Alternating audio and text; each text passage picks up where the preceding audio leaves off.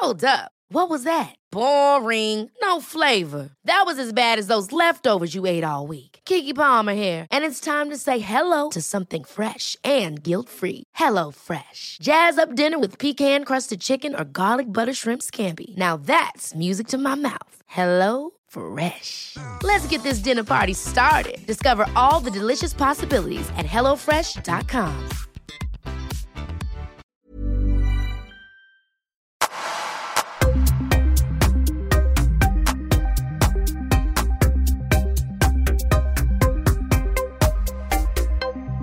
Smile, välkommen tillbaka till eh, Öppet sinne. Tack så mycket Paul. Kul att vara här igen. Ja, du var ju en av mina riktigt tidiga gäster och eh, det är om vi, tar, vi backar bandet lite till så här, det avsnittet, för vi kände ju inte varandra alls. Utan Nej. vi hade sprungit på varandra vid typ tre tillfällen och första gången jag sprang på dig så här, ah, jag skulle vilja ha med dig i podden och det var ju här i studion. Precis. Sen satte vi oss och sa vi, vi ska gå djupt. Exakt. Och, eh, Vad sa du? Tur- du kallar mig Turban Life efter det. och jag döpte ju dig till filosofen också i Exakt. avsnittet. jag blev lite chockad, jag gick in skulle lyssna på avsnittet och så stod det där, Smile Alodzic, filosof. Okej, fet titel. Men jag gillar det, för det, för det var ju verkligen det här lite mer, mer i avsnittet, var ju det jag tror att, för jag har fått höra det av fler som, som, av mina vänner som lyssnar på avsnitten, sa också att de fick en väldigt annorlunda bild av dig. Eh, och det vet jag att jag sa när vi var klara med, jag bara, det här kommer förändra folks synsätt på det, om de nu har den här förutfattade meningen av, av Paradise Hotel Smile. liksom. Ja, såklart, såklart. Men det har ju hänt så otroligt mycket runt dig efter det. Alltså du har dels blivit programledare i Paradise Hotel, du jobbar stenhårt med PT-andet, du har gjort, är det två e-böcker va? Två stycken e-böcker, exakt. Men jag jobbar på en fysisk bok nu också. Min Ja. första kokbok då. Eh, och som också kommer heta Eat Like Smile, precis som e-böckerna. För att hålla det liksom enkelt. Ja. Men vad var det som gjorde att du fastnade just för, eh, för maten? Jag har alltid gillat mat. Jag, gi- jag tycker om att laga mat. Ehm, och så kände jag bara så här, men träning och mat går hand i hand. Eh, För att liksom uppnå grymma resultat i gymmet så måste du ha en bra kost, sköta kosten. Liksom, jag brukar säga att tränar du stenhårt sex gånger i veckan men äter skräp så är det ju bättre att du bara tränar tre gånger i veckan men har kosten on point. Du kommer få bättre resultat. Eh, men kan du liksom köra fem gånger i veckan och hålla kosten så kommer du uppnå resultat som du trodde var omöjliga. Liksom. Eh, Så jag tänkte så här, hur kan jag eh, ta min kunskap om träning och den här, det här lilla man behöver veta om mat. För jag, jag, jag är väldigt noga med att säga att jag är ingen expert i köket. Och det är det jag tror tilltalar väldigt många att okej, de tänker kan Smile göra det här? Han har ingen bakgrund han, eh, inom liksom matlagning. Eh, kan han göra det, då borde jag också kunna göra det. Och det är det jag vill visa med de här enkla 15 minuters recepten som har väldigt få ingredienser, som eh, är nyttiga, goda och eh, som kommer ge resultat. Om, hur, hur skulle du definiera bra kontra dålig mat? Precis det du sa, så om du käkar skräp eller liksom äter bra. Vad, hur, hur separerar den linjen? Det, är en, alltså det är den simplaste frågan på ett sätt. Men samtidigt vet jag också, det vet du säkert med, det är där det råder så otroligt mycket missförstånd. Vissa Ja. kan tycka att, ja men vadå, jag tog liksom ris till min kebab istället för pommes frites och därför blev det helt plötsligt jättenyttigt. Precis. Alltså jag, eh, jag förbjuder absolut inga klienter att käka ja, men typ en burgare eller något sånt. Jag bara byter ut vissa saker så att den blir lite hälsosammare.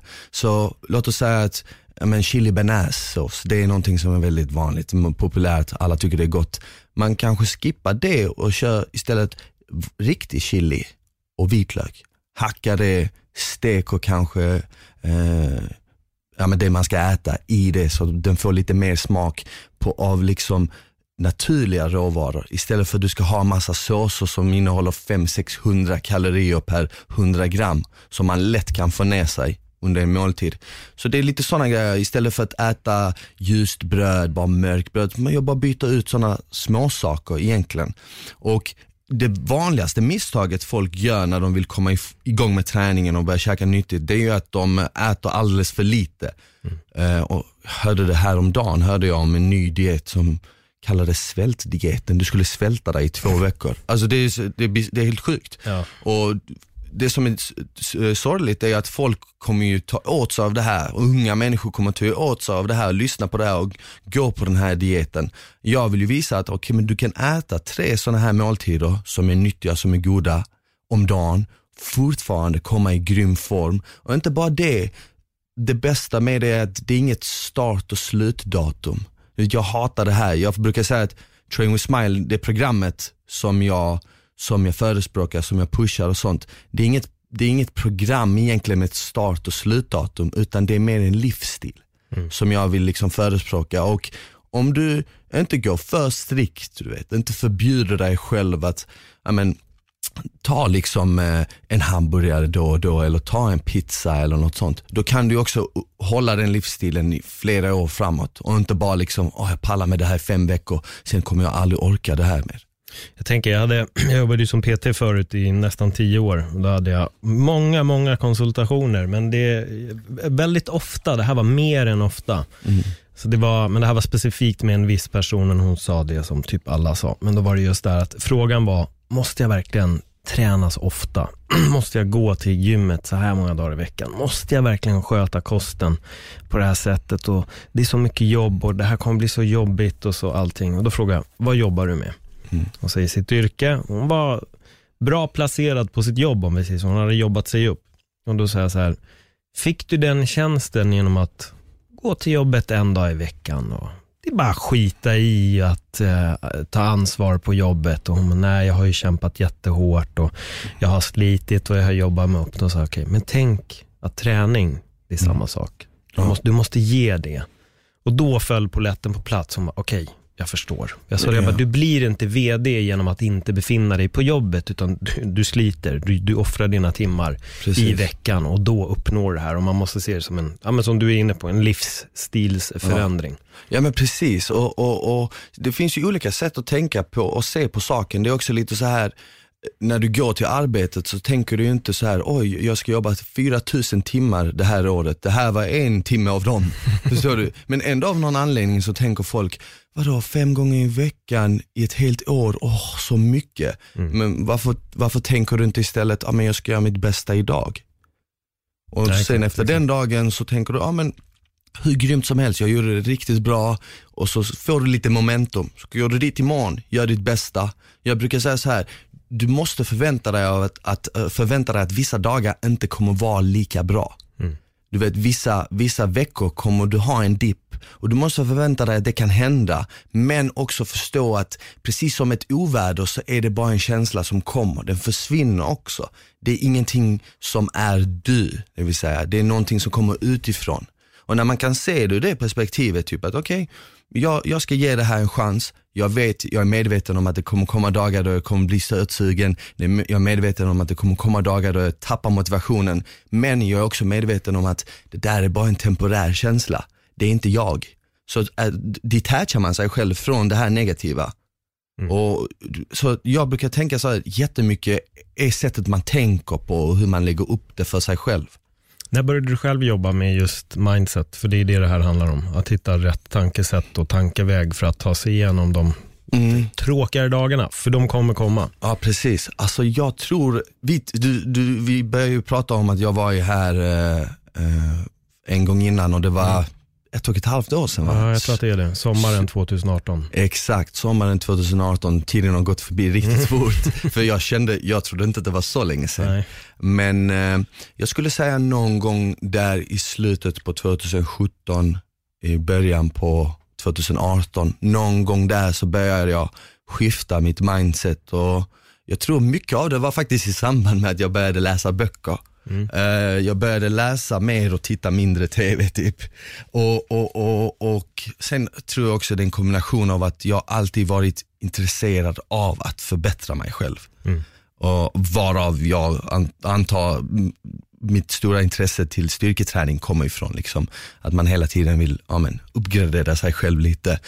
Men eh, det gick över från att bara vara något ytligt och fysiskt till också något innerligt och spirituellt och intellektuellt och så vidare. Så jag tror att det var en kombination av att, okej mitt intresse att hela tiden förbättra mig själv, min omgivning, hjälpa till i kombination med att jag började läsa böcker och fick lite tips på, ja, men, tänk så här, gör så här, agera så här. Fan, då måste jag fråga, var det här emellan säsong ett och två, som du var med i nu i Paradise Hotel som det här hände? Det var faktiskt eh, säsong två.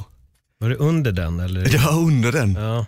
Ja, för för du, du var två väldigt olika personer kommer jag ihåg. Två väldigt olika Ja, personer. Jag ja. vet att, så här, så här, missförstå mig verkligen jag hade inga problem med dig i första säsongen du var med i. Nej. Men man började upp, jag började uppskatta dig som fan och jag kände, fan, han är ju rust, det är en otroligt sympatisk person. Mm. Eh, inte att, och jag menar också, jag tycker inte att du var osympatisk till första, men det var en stor förändring. Det var en väldigt, väldigt stor förändring på dig. ja. Att man helt plötsligt så fick man med den här, fan, man vill ju bli polare med den här snubben.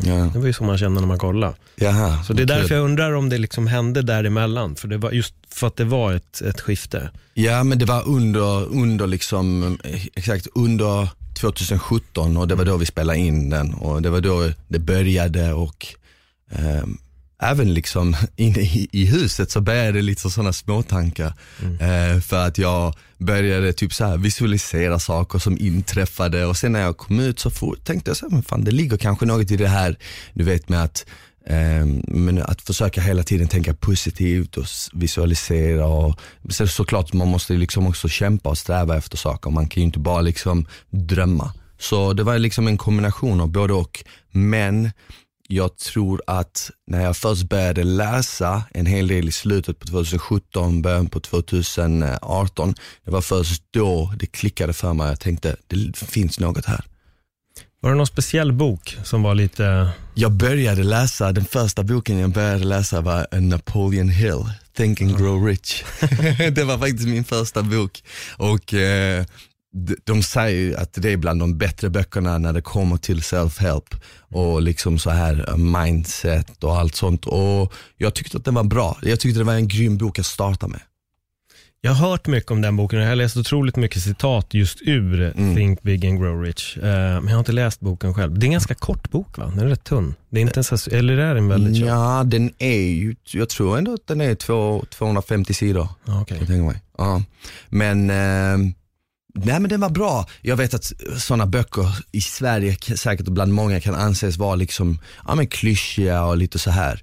Men jag har en, jag ser på böcker lite som jag ser på träningspass. Eh, jag kan inte säga så här, den här boken ändrar mitt liv. Precis som jag kan säga, det här träningspasset den 17 maj ändrade mitt liv. Men om jag tränar lite varje dag eller tränar fem gånger i veckan så kommer det sker en stor förändring efter ett, två, tre, fyra år. Lite så ser jag på böcker. Om jag läser en timme om dagen fem gånger i veckan så kommer det ske en stor förändring inom ett år, två år, tre år. Uh, och um, och det, det är så jag tänker på böcker när jag ser på det och jag har själv märkt att sen jag började liksom läsa så har det hänt en förändring utan att jag ens har tänkt på det. Mm. Men det är det som är coolt med böcker. Mm. Alltså det är verkligen, det är som du säger, det, det man kan läsa en bok och ibland kan du ta med dig bara två små, två små frön. Liksom. Ja, Men de kommer förändra väldigt, väldigt mycket och det är böcker som förändrar en synsätt Precis. på livet. Det är därför jag tycker det är synd att folk inte läser mer. Alltså det är otroligt viktigt. Och vi har ju snackat väldigt mycket om böcker och du fick ju hem en rätt fet låda böcker ganska nyligen. Var, Mm. Ja. var det något, har du påbörjat någon av de böckerna som du fick hem? Ja det har jag. Jag beställde nyligen också nya. Jag beställde böcker för typ 3 och 5.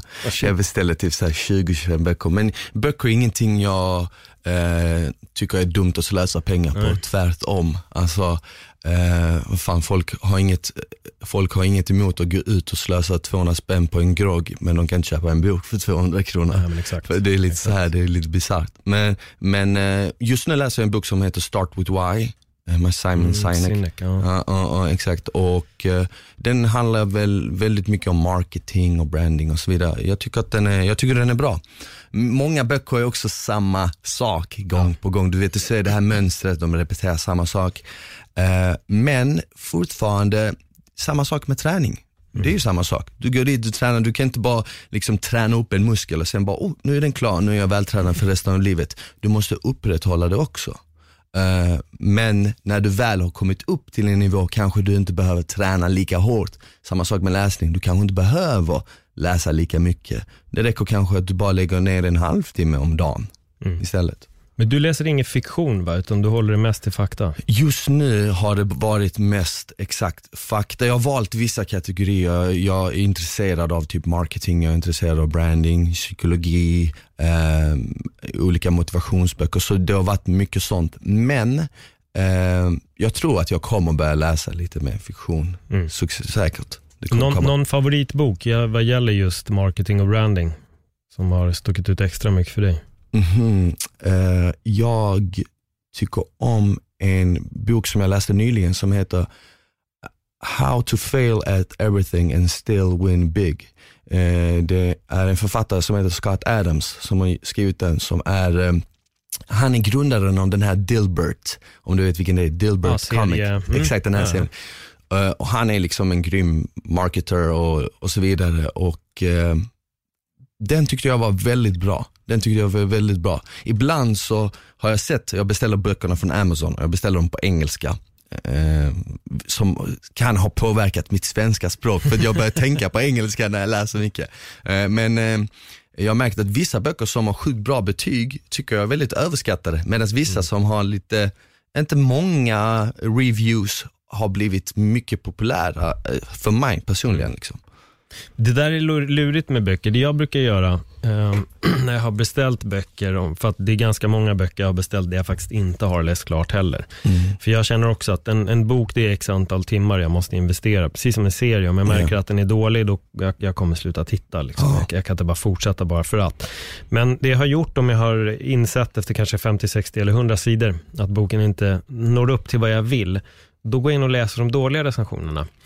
för att se om det är fler som har fått samma känsla som mig. Okej. Så att jag kollar typ om jag kanske tycker att den poängen kommer inte fram eller det blir repetitivt, det kanske är dåligt skrivet. Då vill jag säga, är det fler som tycker det här? Mm. För att bara läsa de bra recensionerna, det gör jag gärna innan jag ska köpa den. Då brukar jag titta på det. Okej. Eh, Men när jag väl är missnöjd med något, då brukar jag gå in och kolla vad är det som gör att fler inte gillar den. Och det har också till slut blivit ett bra sätt för mig att kunna sålla i böckerna. Sant. Ja, alltså tittat, okej fan det här gillar jag inte på grund av det här. Så, just exakt. De, de, de kände samma sak. Den är för trög. Det tar för lång tid innan man Ja. kommer till poängen. Det, det tjatas och tjatas. Och. Ja, men Sen finns det ju böcker du öppnar och bara plöjer igenom dem som om det vore liksom en saga nästan. Verkligen. Man det. Jag läste en, uh, Four Agreements, har du, har du läst den? Jo men det Four var ju den jag rekommenderade Eh, direkt. Du rekommenderade den för mig. Don. Miguel Det Ruiz. Den tyckte jag var hur bra som helst. Alltså, Ja. Den var bara så här, man bara läste igenom den direkt. Den var inte tjock heller. Nej. Det var, och det var väldigt mycket olika synpunkter hela tiden, så det var inte samma sak gång på gång. Nej. Men den tyckte jag var nice. Men böcker överlag, jag, jag tycker det, jag personligen gillar det för att jag någon gång i framtiden hade velat skriva en bok, kanske därför också. Du vet, den här kombinationen av nyfikenhet och intresse för något har bara gjort det väldigt bekvämt för mig. Sen tycker jag också det är ett skönt sätt att av, avrunda dagen på. Du vet, jag vill ju inte, jag tror det var du som också berättade det här för mig, ja men den sista timmen, sitt inte på mobilen, Nej. sitt inte på datorn. och så jag försöker inte göra det och där tänker jag också, ja, perfekt, då är det en timme då jag kan läsa istället. Ehm, och sen, det är ju fan 2020 nu, allting blir ju så jävla all, det är så mycket teknologi, allting ska vara så nytt fräscht. Då känns det nice att bara ta upp en gammal bok som fortfarande är någonting som folk läste för liksom hundra år sedan. Det känns väldigt mänskligt på ett sätt. Men visst är det skönare att läsa bok än att läsa i mobil eller läsplatta? Jag har aldrig läst i mobil eller läsplatta, jag, jag, det är inte min grej liksom. Jag skulle inte eh, palla det nej. Jag provade läsplatta. Jag tänkte att jag, jag måste testa och se, men jag läste en halv bok som, äh, fan det går inte. Jag däremot har gjort det ibland att om jag har en fysisk bok så har jag vid vissa tillfällen fått ner den till mobilen också. Men då har det varit att jag, en boken, vissa böcker är så jävla stora, jag orkar inte konka på en bok hela Nej. tiden. Små pockets är lätt, det är bara in i en ficka. Men då har jag kunnat läsa vissa kapitel på Ja. tunnelbanan. Så det har hänt att det är några böcker där jag faktiskt har varvar Ja. och mobil och eh, fysiskt. Men fysisk bok över, det, det slår allt. Ja, exakt. Den andra grejen jag skulle kunna tänka mig göra det är kanske lyssna. Ja. Lyssna i så fall, hellre lyssna än att läsa på mobilen. Mm. Tror jag att jag hade gjort. Jag kan rekommendera en bok som du kan lyssna på. The Rise of Superman. Okej. Den är väldigt, väldigt bra. Den handlar om att gå in i flow. Ah, så det okej. handlar om extremsportare, hur de gör för att komma in i flow. Och att till, de tar till och med upp folk som har nära döden upplevelser och hamnar i flow. Flow som i att gå in i the zone, att kliva in Ja. i zonen. Ja, och Det kan ja. du göra antingen i träning, du kan göra det om du ska uppträda. Mm. Jag, har, efter att ha läst den boken så fattar jag att varje gång jag körde stand-up så förstår jag varför jag kände som jag gjorde både före och efter. Ja. Att jag fick ett pirr i magen alltid några minuter innan jag skulle upp och så slog det över. Då hade adrenalin på slaget, fullt fokus. Jag gjorde alltid mina bästa gig när jag fick pirr i magen innan. Ja, Och sen kunde jag känna mig tom efteråt. Men det är också att när du väl har klivit ur flow, så du, du är uppe i ett speciellt rus liksom, och då är eftereffekten är att man, man, man landar lite. den landar lite. Det är som en drog, alltså det är som Ja. att du får ett, ett rus och sen får du liksom en en Precis. nedgång. Precis, men det märker jag ibland när jag gör studio, när jag kör Studio Paradise. Mm. Precis innan liksom, eh, så, innan vi ska köra, liksom, alla kamerorna är riggade, all personal står bakom kamerorna. Du vet, det, det ska vara one take, deltagarna är på plats och så ska man köra. Så känner man den här, okej nu är det dags, nu är det köra. Man börjar ju, man bör, det börjar ju bli allt eh, vad ska man säga, man börjar bli bekvämare hela tiden för att man har gjort det flera gånger nu liksom. Men jag gillar den här känslan av att det är pirrigt liksom. Det får man att stå lite på tå, du vet, man är lite förberedd. Och sen är det en skön känsla, det får en att känna sig lite levande typ. Alltså jag har alltid tyckt om att vara lite nervös. Jag gillar den känslan, jag minns när jag var yngre, ja, men du vet så när man skulle typ kanske bjuda ut en tjej man var lite intresserad av eller något sånt, var man lite nervös. Jag tyckte alltid den känslan var häftig av någon anledning. Jag kände okej men här, här ligger det något, om jag känner mig lite nervös så känner jag mig lite levande. Det betyder att det är bra liksom, det är en bra dag. Ja, men det behövs. Det är, jag, jag har pratat med jättemånga där, både fighters och allt möjligt, just pirret. Det är bara ett, det är ett positivt tecken. Det är att man går in i en, någonting står på spel Ja. det, och det behövs. Ja, för man vill ju inte vara för lugn tänker jag. Va- va- Vare sig man ska inför en fight eller om du ska eh, göra en tenta, vad du än gör liksom. För då kanske du blir lite för bekväm eh, och eh, ö- överskattar dina förmågor och underskattar liksom din motståndare eller arbetet framför dig. Så kanske du får sämre resultat. Ja, jag tror att när pirret försvinner, då har lite kärleken till det försvunnit också. Ja, men man ser det oftast, jag spelade ju fotboll innan, man ser det oftast i fotboll när ett väldigt dominerande lag möter ett lag som de förväntar sig slå med stora siffror. Kommer de in lite kaxigt, du vet så ah, vi fixar det här. Det är då det andra laget, det svagare laget, eh, får in liksom en boll i mål och så står alla som frågetecken, hur gick det här till? Ja men för att man slappnade av. Ja. Ehm, så det är nog bra att alltid ha lite pirr i magen. Det där får mig att tänka på, det var någon, jag vet inte om det var EM eller VM, Spanien spelade och att de skulle gå vidare hängde på att ett annat lag skulle förlora. Mm. Sen får de veta att motsatta laget har istället vunnit. Och då stod ingenting på spel under sista 20 minuterna i den här matchen. Helt plötsligt gjorde Spanien mål på mål på mål Ja, ja. på mål och var helt likgiltiga. De bara mål och såg så skitbesvikna ut för de hade ändå, de var ändå Det var ute. så, världens tråkigaste målgest. Ja, och det var så sjukt för att liksom, de hade inte riktigt presterat i de Nej, andra nej, matcherna. Men jag minns deras blickar bara, okej ett mål till, ett mål till, ett mål till. Och så bara, fan det här är helt stört. Nu stod helt plötsligt bara, ingenting stod på spel. Då slappnade alla av och bara, pup, Ja, pup. ja, ja, ja. ja, men det är ju den också. Ja. Men hur känns det att ha kört eh, programlederiet? Det är, Det, det det, känns, nytt. det känns bra, det känns bra. Nu har jag ju kört det i, sen jag började 2018 så jag är inne på det tredje året nu. För jag tror att du, du började göra det typ ganska strax efter att vi gjorde första avsnittet. Precis. Ja. För att när jag först gjorde det första avsnittet, då, då var Lingonligan ute och du, Just jag det. minns att du frågade mig, ah, men du har gjort en häftig eh, resa från liksom en dokusåpa-deltagare till att hålla på med annat. Och, och då skulle jag precis börja programleda eh, och, och det är kul, jag gillar det. Jag gillar att variera mycket. Alltså, jag gillar att kunna vara kreativ och testa nya saker och göra nya saker. Det kan vara därför också jag hela tiden eh, försöker utmana mig själv i typ, men vad jag säger jag ska leda ett program eller nu som jag tog an mig den här kokboken och försökte göra det. Jag var ju hur nervös som helst i början. Jag var såhär, åh hur ska det här gå? Jag har ingen kunskap. Du vet, halva jobbet oftast, det är bara att övertala sig själv att du kan. Du måste bara tro på dig själv. Du vet, halva jobbet är bara att börja. Ehm, och, och, och, och, och, och tro på sig själv och ge sig själv liksom den här, vad ska man säga, för, förtroendet att du, du kommer misslyckas säkert, du, det, kommer, det kan gå fel, folk kanske kommer skratta åt dig för att du gör dumheter, dittan dattan, men du kommer lära dig på vägen. Eh, och lite så var det väl med programledargrejen också. Du vet, att oh men, jag kommer kanske säga fel, du vet, det var live on tape, så man var tvungen att få till det rätt. Liksom. Det var, spelades in direkt eh, efter avsnitten som kom ut, så vi satt ju där liksom med deltagare och att, ja, men det här går inte att fixa till riktigt, så du måste Nej. få till det rätt. Så man var ju lite nervös. Men... Men hur jobbar du med sådana här inre tvivel? För att alla har vi det. Mm. Alla har vi de här tvivel, kan jag verkligen göra det här? Det är, all, det är alltid en grej som kommer upp. Och jag tror att i vissa instanser, där finns det inte alls, typ som på gymmet, tror jag inte att du kommer gå runt med tvivel i din träningskapacitet. Nej. Men helt plötsligt när det är, jag ska skriva en bok om mat. Mm. Uff, okej, okay, ja det här är inte riktigt yeah. mitt territorium. Men du gör det ändå. Vad är det som gör att du övervinner den här, ska vi säga, låt oss kalla det osäkerhet, i brist på bättre ord? Uh, ja, uh, jag tror att uh Dels så tror jag att det, jag har lärt mig mycket genom gymmet. Så när jag först klev in på gymmet så var jag väldigt spinkig, jag liksom var en rookie och jag tror att jag gick igenom exakt samma sak som alla går igenom när de är nya i gymmet. Man, man känner sig lite uttittad, man är lite nervös, man tänker, gör jag rätt? Kommer, du vet, vad kommer hända? Du vet, kommer det här funka? Men successivt så lär man sig och så blir man bättre och så märker man att mm. okej, okay, nu är jag liksom inte en rookie i gymmet, nu är jag en av de här som jag när jag först klev in på gymmet såg de här grabbarna eller de här eh, folket på gymmet som jag märkte direkt att okej okay, de här har varit här länge, man ser på sättet de rör sig, tränar, de är, sen blev jag själv en sån liksom. Mm. Så jag tror att eh, jag, jag tror att jag vet inom mig att jag, jag måste gå igenom den här jobbiga perioden av att vara osäker och, och vara liksom lite rädd för att misslyckas och sånt för att bygga lite självförtroende med tiden.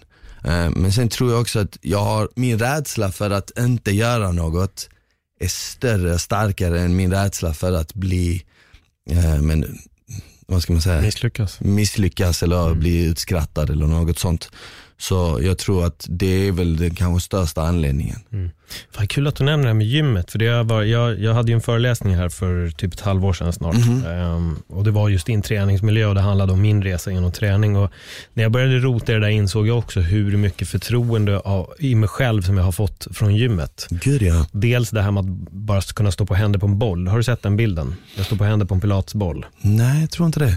Jag kan dra storyn snabbt. Det började med att jag på PT-utbildningen fick vi stå på knä på en sån boll och min mm. polare fick stå och hålla i mig. Yeah.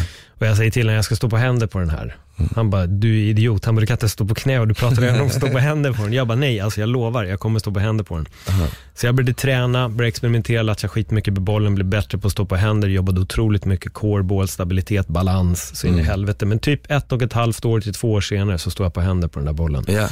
Ja, och det var bara, jag satte bara upp det, jag vet inte varför. Ja. Det, jag blev, det blev en besatthet. Och när jag klarade det, då insåg jag att fan, bara jag tränar, mm. vad jag än väljer att göra, bara jag övar på det så kommer jag kunna klara ja. av det. Och yeah. det blev världens motivation för mig. Jag har yeah. alltid haft med mig bollen i huvudet sedan yeah. dess.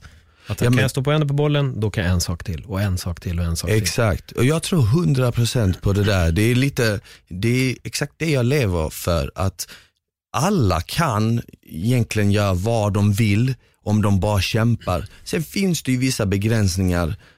Låt oss säga att eh, du är, eh, du är 1,60 och vill bli världens bästa basketbollspelare. Ja, Förstår du? Då, då, kanske det, då kanske det blir lite svårt. Mm. Men, men det finns ingenting som inte säger att du inte kan lyckas och bli bäst på något annat. Mm. Förstår du? Men vissa begränsningar finns det. Jag, eh, jag, när jag var yngre, önskade att jag hade en sjukt bra röst så att jag kunde sjunga skitbra. Men jag är inte född med en bra röst, jag har inte det, jag kanske skulle kunna öva upp den så det blir någorlunda bra men jag skulle aldrig kunna vara på den nivån som jag hade velat vara på. Därför får jag tänka lite annorlunda, men vad har jag naturligt som är väldigt bra? Vad är jag bra på? Vad kan jag, hur kan jag förbättra det? För som du säger med, med hårt arbete så går ju allt liksom. Um, och uh, man får bara egentligen lägga ner tiden, det är det jag tror att många inte pallar. För att idag känns det ju som att de flesta vill ha saker jävligt fort. Du vet, man vill ha det nu, nu, nu. Och jag är själv liksom så här eh, ett offer för det ibland och vill liksom ha saker nu. Jag måste jobba jättemycket eh, med mitt tålamod, det är en av mina svagheter. Men jag är medveten om det och när jag är medveten om det så kan jag jobba på det också. Så, så alltså, jag tror verkligen att vill man lyckas med träning eller med mat eller vad man än ger sig in på, om man, om man jobbar hårdare än vad de flesta är villiga att göra så kommer man bli bättre än de flesta. Så är det definitivt. Jag tror att man ska inte glömma heller att det är en resa. Att det, är, det, det är en lång resa, det kommer ta sin tid. Jag vet när jag höll på med stand-up så ville jag nog inte riktigt se resan. Jag såg bara destinationen hela tiden. Yeah. Man såg bara det här stora målet. Liksom. Och det, jag tror att sätter in i redan att det är en resa, det kommer ta sin tid. Sätta upp massa delmål, våga nå andra punkter än bara liksom guldet som finns i slutet av tunneln. Ja men precis, och sen kan det också vara att många idag kanske, jag får en feeling ibland av att många människor vill vara saker, inte för de själva vill det, utan mer för att det där är det heta just nu. Ja men typ det är inne att eh, vara en artist just nu, eller det är inne att vara en influencer just nu, det är inne att ha en massa följare på Instagram och ditan och dattan, så alltså, jag vill, jag, jag, det är det jag vill göra. Men innerst inne kanske de själva inte vill det, utan det är bara de här sociala trycken. De ser att alla andra gör det, det är det som är hype, det är så du får mycket likes, det är så du blir omtyckt, ah, därför vill jag göra det. Och så försöker de, men eftersom de själva inte vill det så kommer det ju inte naturligt, så då räknar de bara timmarna. Förstår du vad jag menar? Låt oss säga att jag skulle vilja bli bäst i världen på att spela elgitarr. Jag har inget intresse av det men det är det hetaste just nu. Och vad fan, varje gång jag tar upp den gitarren kommer kännas som en evighet. Ja. Sen bredvid mig står det någon och spelar gitarr och han bryr sig inte ens om att vara bäst i världen. Han bara älskar att spela det. Och han sitter där 12 timmar om dagen och tycker att det går som en timme. Du vet. Så då, du vet, det är sådana grejer, du måste ju göra något som tilltalar dig. Du kan inte göra det som är hetast just nu på marknaden och följa trender och sånt typ. Det är därför jag tycker till exempel, du säger så här, ja ah, men stand-up, stand-up är något coolt som nu på senare tid kanske det har börjat bli lite mer hett. Men länge var ju stand-up någonting som egentligen inte var så jättepopulärt. Det var inte mainstream, det var liksom väldigt så här, ja men udda. Det var inte, jag har inte träffat många som har sagt att ah, jag vill bli världens bästa stand-up-komiker eller jag vill bli Sveriges bästa stand-up-komiker. Du har träffat en nu, men jag sa det för länge sedan. Exakt, du sa det för länge sedan. Det är det Sen Cool fact a crocodile can't stick out its tongue. Also, you can get health insurance for a month or just under a year in some states. United Healthcare short term insurance plans, underwritten by Golden Rule Insurance Company, offer flexible, budget friendly coverage for you. Learn more at uh1.com. Hey, it's Ryan Reynolds, and I'm here with Keith, co star of my upcoming film, If, only in theaters, May 17th. Do you want to tell people the big news? All right, I'll do it. Sign up now and you'll get unlimited for $15 a month in six months of Paramount Plus Essential Plan on us. Mintmobile.com slash switch. Upfront payment of $45 equivalent to $15 per month. Unlimited over 40 gigabytes per month. Face lower speeds. Videos at 480p. Active Mint customers by 531.24 get six months of Paramount Plus Essential Plan. Auto renews after six months. Offer ends May 31st, 2024. Separate Paramount Plus registration required. Terms and conditions apply if rated PG. Hoppade av.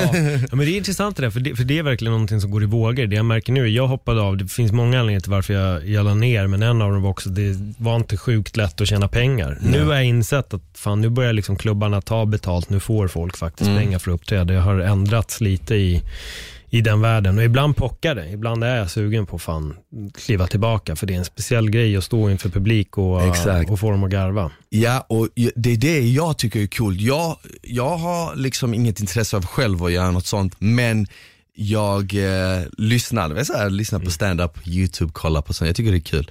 Eh, men jag jobbar ju på en egen föreläsning för att jag tycker om att motivera folk och peppa folk, men också för att jag vill ha den här kontakten. Du vet, stå på en scen med folk som lyssnar och ha den här, du vet, det känns väldigt levande, du vet, det känns väldigt äkta. Och jag kan tänka mig stand-up är lite samma grej. Du vet, du står där uppe, du drar ett skämt, du kollar hur folk reagerar på det, sen navigerar du därefter. Du, vet.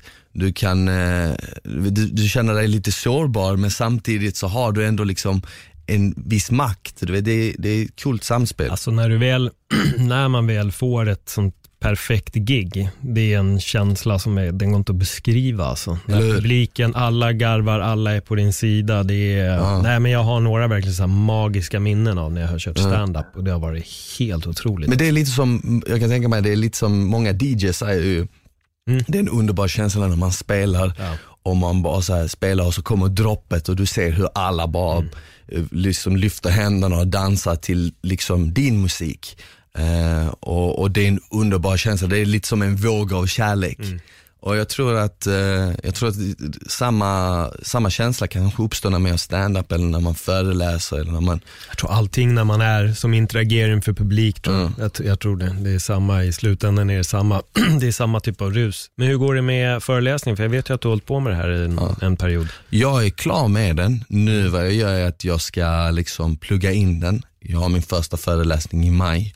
Ehm, Grymt. så det, ja, det är grymt. Men jag har också lärt mig av mina misstag att inte ha för många bollar i luften. Nej. Så när jag började jobba med kokboken tänkte jag också, okej, nu måste jag fokusera 100% på det.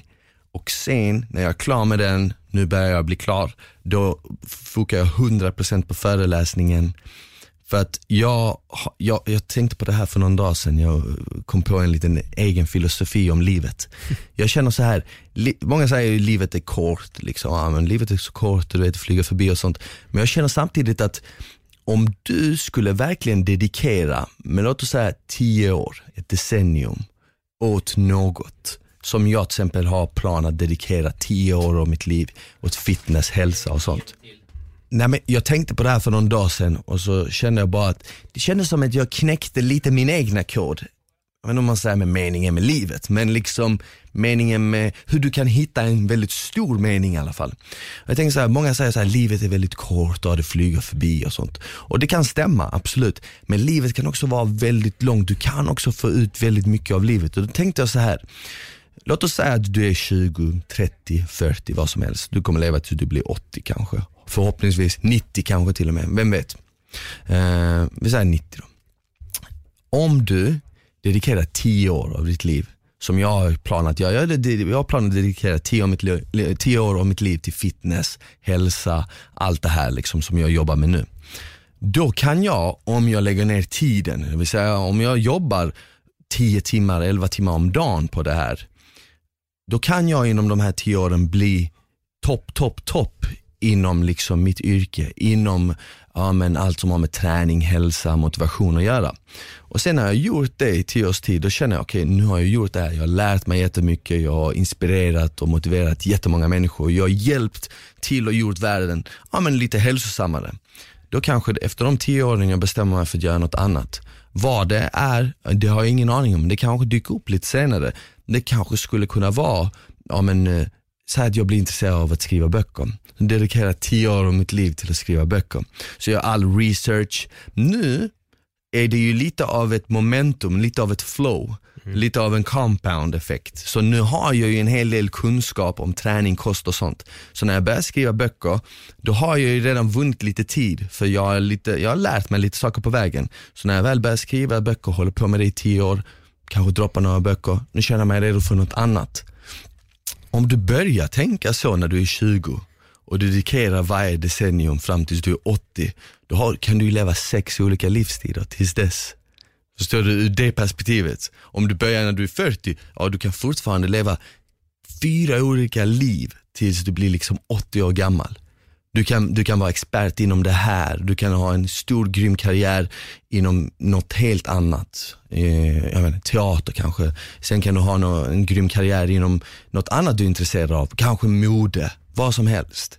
Eh, på så sätt känner jag bara att ja, men då kan man ha ett väldigt rikt liv. För jag ser lite på det som att som en, jag ser på livet lite som en bok. Du, skriver, du, skriver, du skriver dina egna sidor, ditt liv är din bok.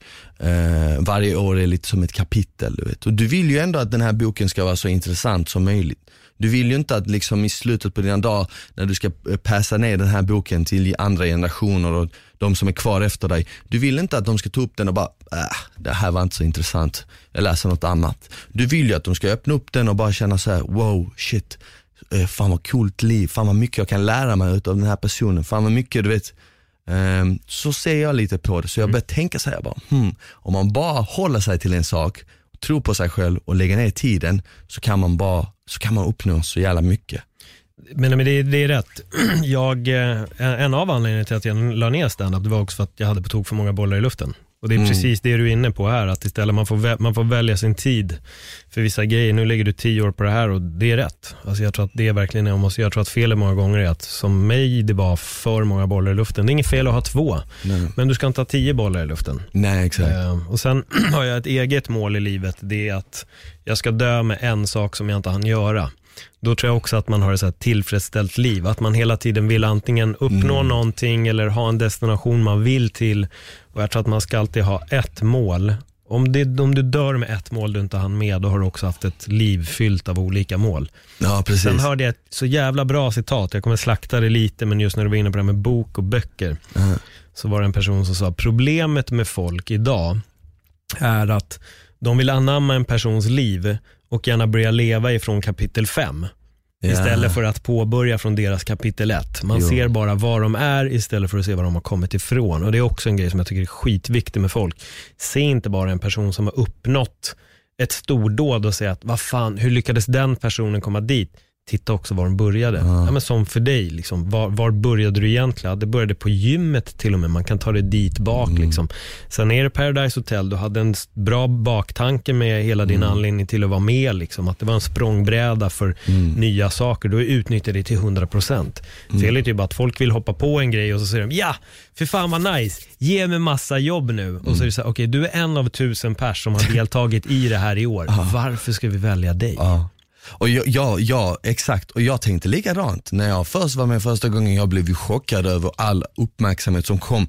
För jag trodde att det skulle vara en språngbräda, men jag räknade inte med att, eh, att jag skulle kunna kliva in eh, i en butik i, i Luleå, att folk skulle bara känna igen mig. Ah, tja, det är Smile. Du vet, jag hade aldrig satt en fot där någonsin, så jag, jag trodde inte att det skulle vara på den nivån.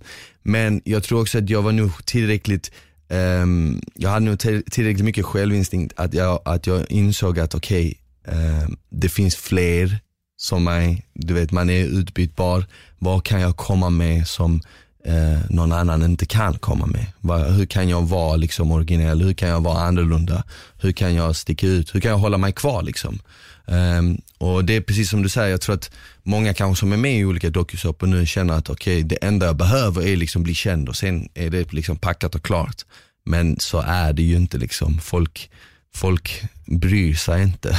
Nej, för det, jag tror att det här är grejen också. En, en gammal bekant till mig var med i Robinson till exempel. Startade en blogg, så här Robinson skvaller och sen var bara tre månader senare hade en ny Robinson kommit. Och helt plötsligt var inte förra säsongen aktuell. Och, det- och det rullar bara vidare och vidare och vidare och vidare. Men jag tror det, det gäller verkligen att ha en, ha en plan. Sen om du bara vill vara med för att du vill vara med och kul och få lite status och jag vet inte fan gå ut och dricka lite drinkbord och ha, ha ett roligt år eller två, ja men kör. Men jag tror att om, man, man får inte vara naiv och tro bara att okej nu ska jag bli programledare för det här och sen bara sitta och vänta. Ja. Frågar folk dig? Jag tänkte de som är med i Paradise liksom, frågar de dig, fan, hur gjorde du egentligen? Och, Eh, ibland ja, ibland. Men sen jag tror också att många inte kanske frågar för att de kollar istället. Mm. Jag har ju sett att många, eh, många tittar istället och det, det tycker jag är bättre. Det är ju bättre liksom att eh, följa någon och kolla vad de gör istället för att fråga vad de gör. Förstår du?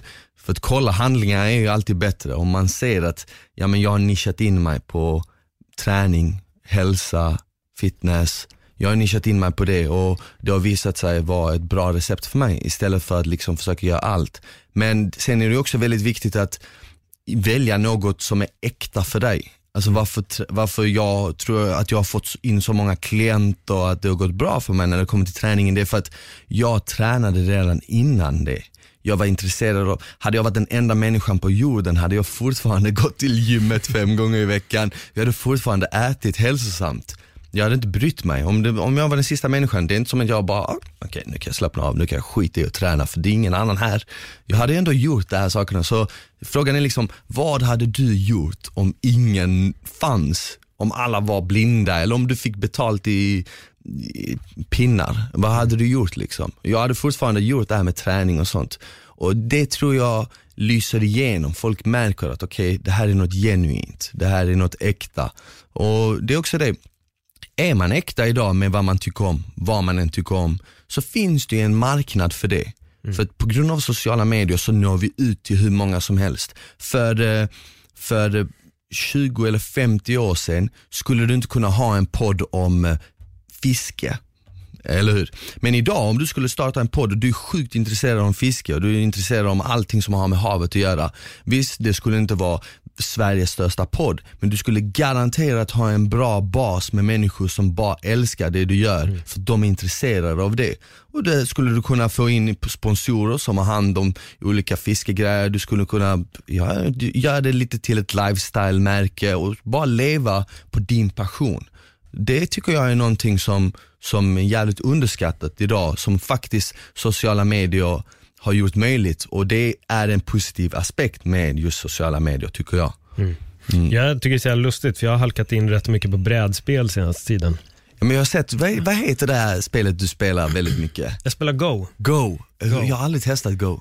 Go är, alltså det är jättegammalt. Ja. Jag tror inte man har så här, det, det finns historier om när det kom och det är väl, jag tror att det är, jag vet inte om det är 2500 eller 4500 år gammalt. Jag, jag vet Jävlar, inte. så det, gammalt. Det, det det handlar om att man är Från svart- Asien eller hur? Ja, man har svarta och vita stenar. Svart går alltid först och det handlar om att omringa. Och det är då på ett rutigt, på ett rutigt plan, men man lägger det på mittpunkten av strecken. Så man lägger det inte i fyrkanten, om du förstår vad jag menar. om Okej, du tänker ja, en. Mm. schackbräda så ställer du istället på liksom linjen. Mhm. Och då har man så kallat friheter. Så varje streck är en frihet och man vill ta bort alla friheter. Exakt. Så om det är en sten, då vill du omringa den med fyra stenar och då försvinner den stenen. Precis. Och det handlar om att skapa territorium. Att omringa och skapa territorium. Grejen är bara att när du har en bräda som är 19 gånger 19 med 361 intersektioner, då blir det helt plötsligt en, en oändlighet utav möjligheter. Många kombinationer. Alltså. det är helt galet. Så att reglerna är de simplaste i hela världen. Du ska omringa din motståndare. Grejen är bara att ytan du jobbar på är så pass stort så att det är ett extremt abstrakt spel. En sten som du lägger kan vara avgörande hundra drag senare. Men, så, så då börjar ni med lika många stenar?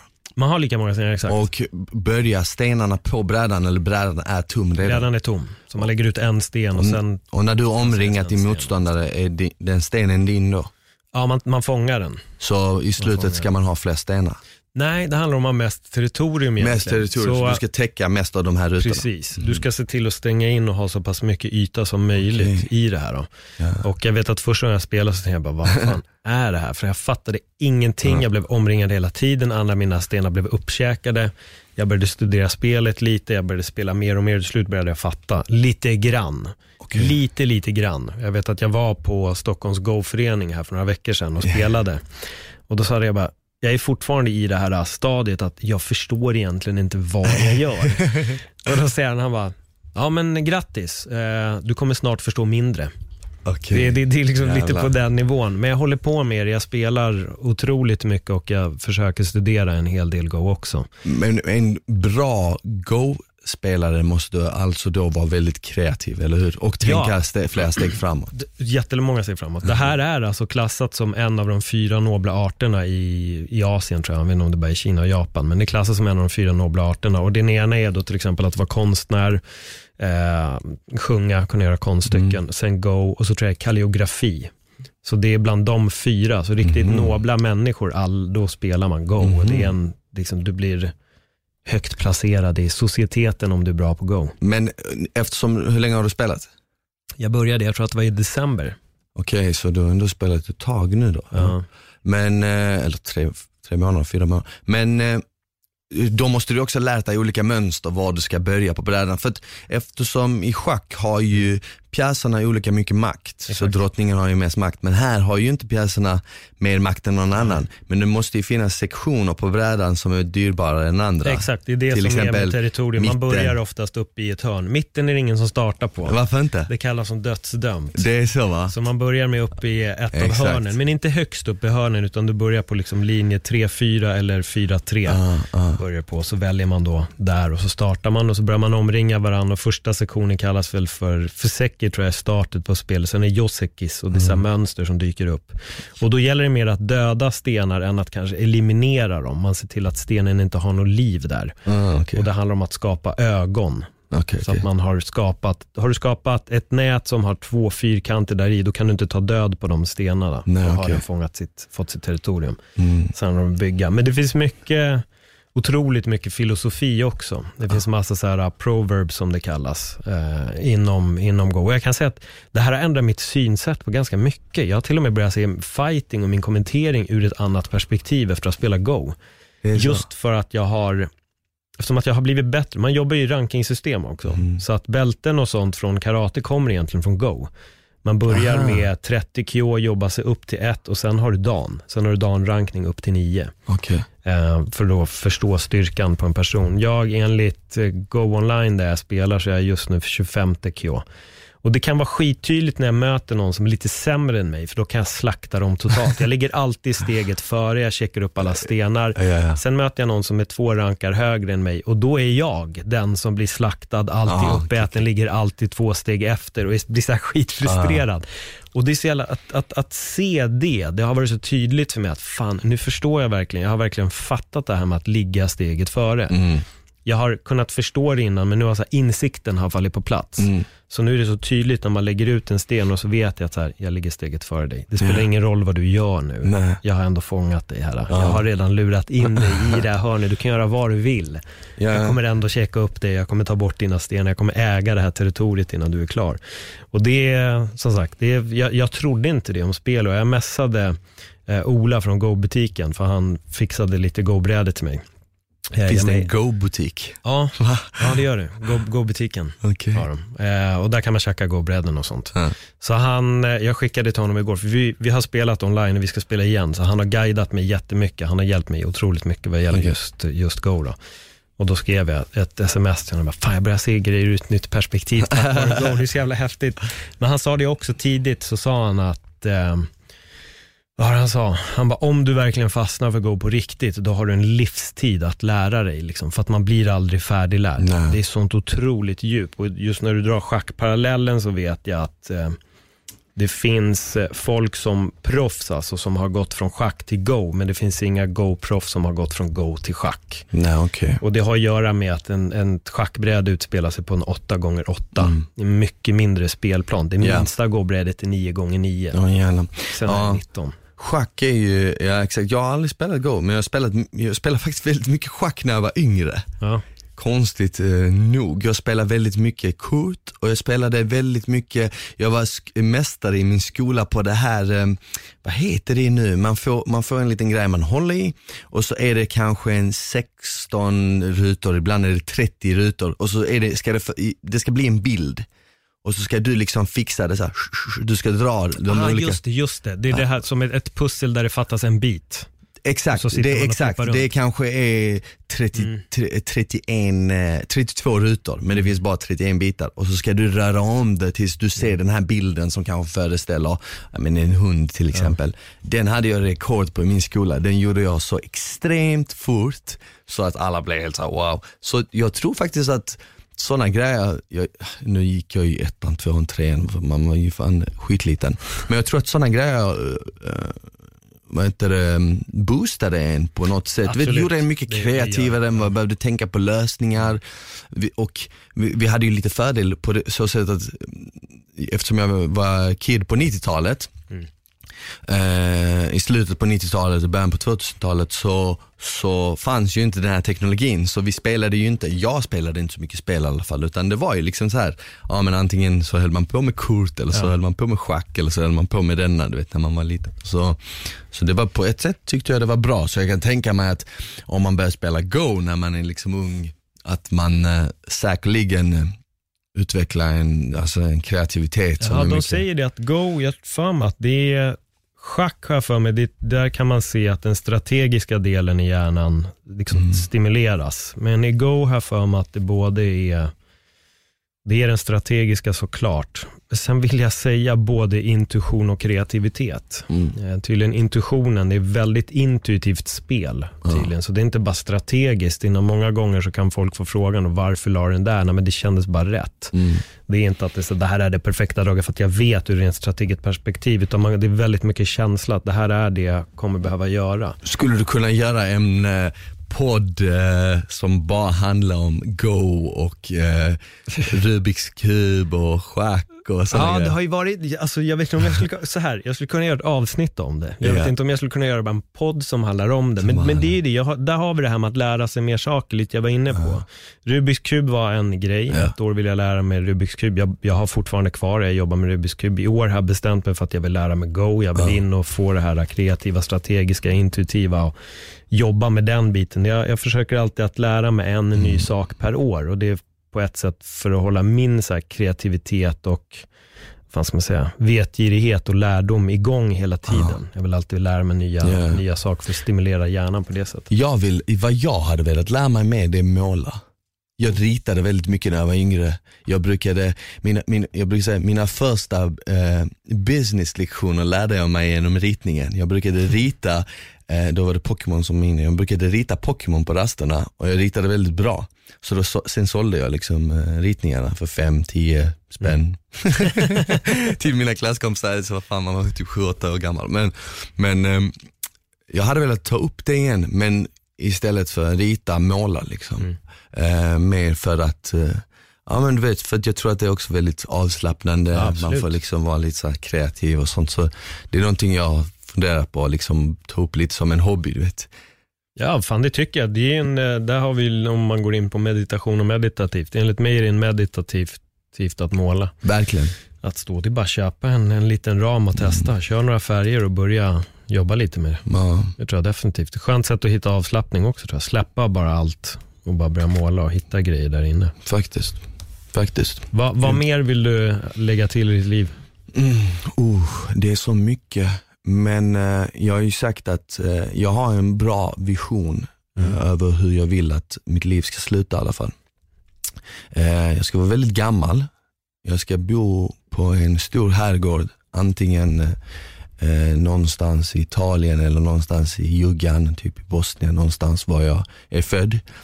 Eh, ska ha en stor herrgård, eh, ska göra mitt egna bröd och ost och vin. Och sen ska jag bara sitta, käka bröd, käka ost, dricka vin och skriva. Skriva liksom, skriva mina. Det är liksom vad jag, det, det, jag har den visionen i huvudet och det är så det ska liksom det är så det sista kapitlet kommer att vara. Exakt. Så, sen, Ja, fra, fram tills dess vet jag inte, men jag har en, jag har en riktigt så här, ja men det ska vara en nice liksom, vingård Mm. där vi har bröd, ost och man kan liksom, sälja lite mer så här lokalt. Men lite, lite finare grejer, liksom, lite finare grejer som först kanske blir uppskattade vet, när man har, har lämnat och gått vidare. Och så ska jag skriva liksom memoarer. Mm. Så ska det vara. Ja, vad nice. Jag har också, jag vill gärna bo i Spanien. Det är min slutdestination. Ja, Spanien Köpa hus i Spanien Exakt. och bo. Så jag- det är det lustiga att för typ så här fyra, fem år sedan satt jag och tittade väldigt mycket på, på villor Mm. i, i Spanien och så tänkte jag, fan jag måste ju bo där varmt året om. Så, så Exakt. Teneriffa har bäst värme året om. Och då blev jag så fan vill jag verkligen bo på en ö? Jag började bolla lite, fan alltså jag kanske ändå har lite av det här fastlandet, att jag vill ändå kunna komma in liksom, Fa- om jag vill. Fattar du lyxigt ändå att kunna ha den tanken? Vill jag bo på en ö?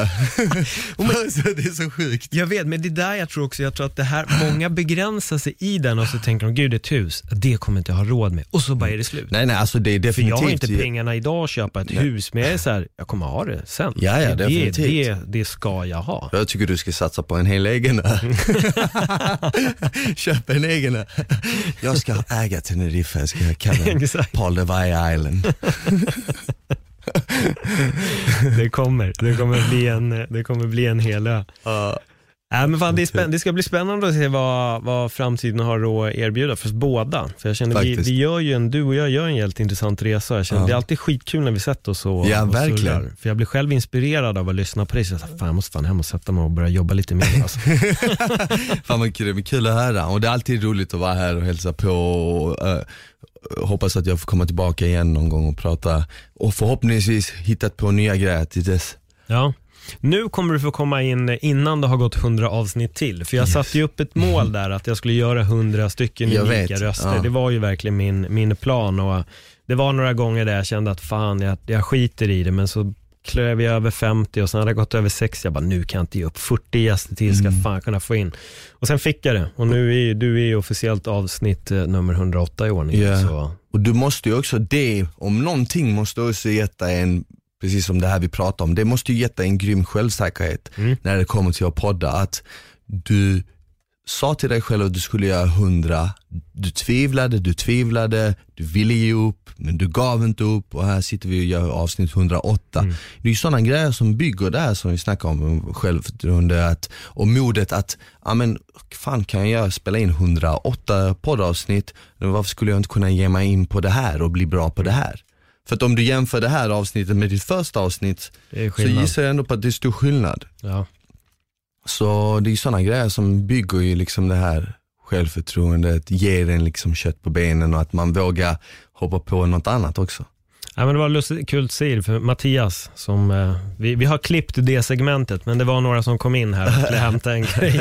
Eh, så vi blev lite distraherade när Niklas Jihde och Mattias kom in. Men jag hade ett snack med Mattias faktiskt och då sa han det, att det, det är stor skillnad på, på dina poddar från i början och idag. Och det är såklart, det förväntar jag mig och det, är mitt, det var ett av mina mål också. Det året när jag började så var det att jag skulle bli en bättre intervjuare. Ja. Att kunna jobba med det redskapet, att lyssna och sen på vägen har det hänt, fan det har hänt mycket. Alltså, För jag gör ju inte bara den här podden, jag gör MMA-podden också. Där är Exakt. vi uppe i, jag tror, nu har vi inte numrerat specialavsnitten, men jag tror vi är uppe i en 70 avsnitt. Jag tror vi släppte avsnitt 56 i de som är numrerade, men jag tror också att vi har gjort en 10-15 specialer. Det är Precis. Ni podd, alltså. måste vara Sveriges största MMA-podd, eller? Ja, det skulle jag nog säga att vi är. Mm. Sen vet inte jag, jag vet faktiskt inte riktigt hur många andra MMA-poddar det Mm. finns om jag ska välja. Jag vet att det finns några som gör, men jag vet inte om de släpper både Mm. visuellt och, och, och så. Då. Vissa vet jag gör program som de sen lägger som podd också. Ja, Så jag precis. har ingen aning. Men låt oss säga att vi brukar säga att vi är galaxens största, så Ja. vi fortsätter köra. Det är ni, eller det kommer ni säkert bli i alla fall. Exakt. Men eh, fan, om folk redan inte följer dig på din resa, var hittar man Smile? Eh, på Instagram heter jag Smile Now.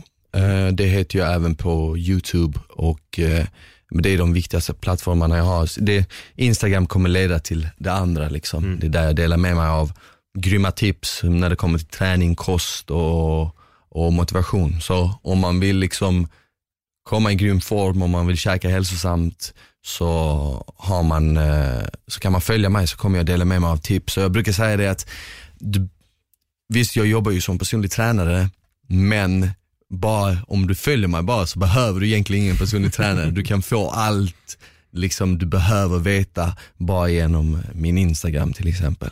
För du är inne väldigt mycket. Du kör ju väldigt mycket alltså, så snack tänkte jag. Att du går in och du pratar väldigt mycket på dina stories. Vad har du fått för reaktion på det? Eh, jag har gjort det länge nu. Jag tror att jag började då första gången jag var och besökte dig någon gång där 2018 och började uppdatera mer och nu gör jag ju fan kanske lite för mycket, jag vet inte.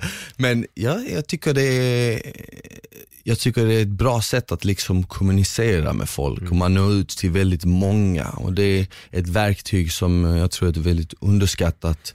Ehm, sen gillar jag liksom, jag gillar människor så jag tycker det är kul att nätverka och prata och, och, och så vidare. Jag har fått bra respons. Fått, dagligen får jag hur många DM som helst som skriver, folk som skriver eh, fan tack så jävligt alltså tack så mycket för allt du delar med dig av. Jag har gått ner 15 kilo bara genom att följa dig liksom och, och sådana grejer ger en, en, en bra liksom boost att eh, men, oh, det här funkar, det här man gör det går hem hos folk och det hjälper och så vidare. Så eh, jag tycker det är, det är häftigt faktiskt. Ja men fan vad kul. Jag, jag följer ju allting du gör och eh, Mm. ja, nu körde vi den där filtergrejen också Ja, det vet förändrar vårt liv. Det finns ju ett nytt filter ute på Instagram nu som har gjort eh, lite tufft för gymmen och alla hälsokosttillskott, eh, alla företag som håller på med mat och så vidare. För att det här filtret har ju gjort det möjligt att liksom vara brun året runt och aldrig behöva träna. Man blir smooth. Man blir smooth. Nej, men återigen, så bara, supertack och vi, vi ska definitivt se till att det inte går ett och ett halvt år eh, Ja. mellan våra Grymt. poddavsnitt, utan det här ska vi se till att få till eh, mer frekvent och, eh, och oftare. Ja, super. Kul att vara här. Ja, och om ni inte redan följer, in och följ Smile och eh, fan alltså, det här är ju verkligen ett avsnitt som jag hoppas att ni blir inspirerade av. Så om ni har blivit det, dela det jättegärna på era sociala medier och dela det med era vänner för eh, Smiles inspiration, ja den måste cirkulera ut till massorna. Med det säger vi tack för den här gången. Tack. Hej då! Hej.